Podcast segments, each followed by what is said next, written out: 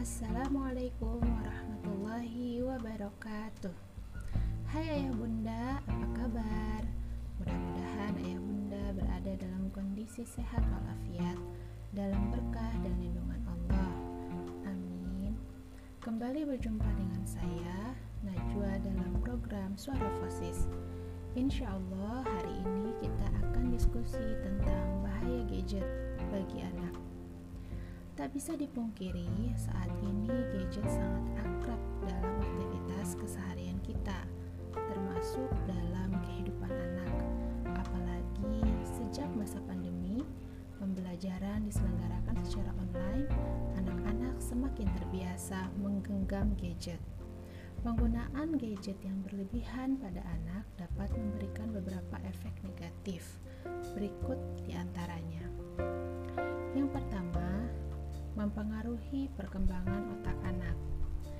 Otak anak berkembang seiring dengan banyaknya stimulasi yang diterima anak. Semakin banyak stimulasi, semakin baik perkembangan otaknya. Bila anak sering terpapar gadget, anak akan kekurangan stimulasi, sehingga pertumbuhan otaknya menjadi terhambat. Nah, bila pertumbuhan otak terhambat, bisa dipastikan kemungkinan besar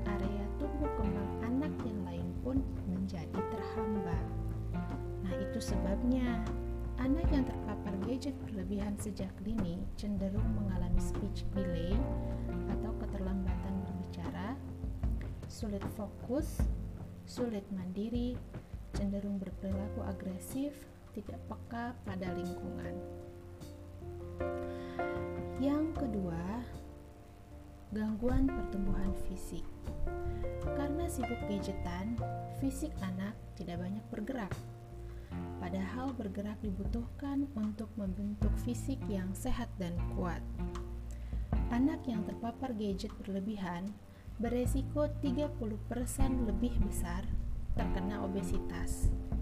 Sedangkan obesitas bisa meningkatkan resiko diabetes, serangan stroke di usia muda, serangan jantung, dan usia harapan hidup yang rendah. Selain obesitas, gangguan pertumbuhan fisik akibat gadget bisa berupa hilangnya bobot anak secara drastis akibat anak lupa makan dan kurang istirahat atau kurang tidur. Yang ketiga, kelainan mental.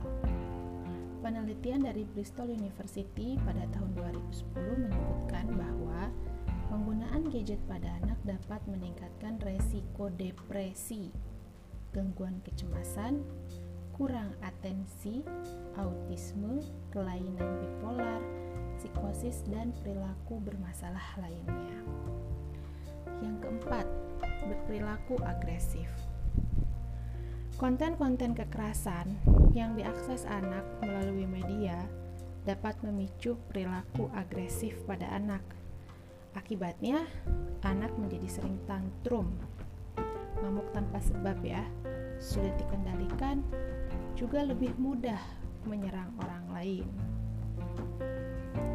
Yang kelima, kecanduan pornografi.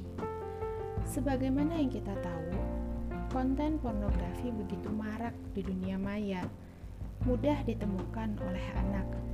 Kendati anak tidak berniat untuk melihat konten porno, namun, iklan-iklan berbau pornografi banyak berlalu lalang dalam game, YouTube, kartun favorit anak, bahkan dalam artikel-artikel ilmu pengetahuan.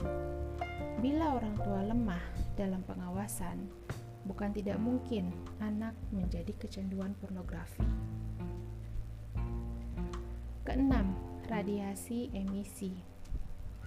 WHO memasukkan gadget dan teknologi nirkabel lainnya ke dalam resiko 2B, yaitu yang beresiko memicu kanker.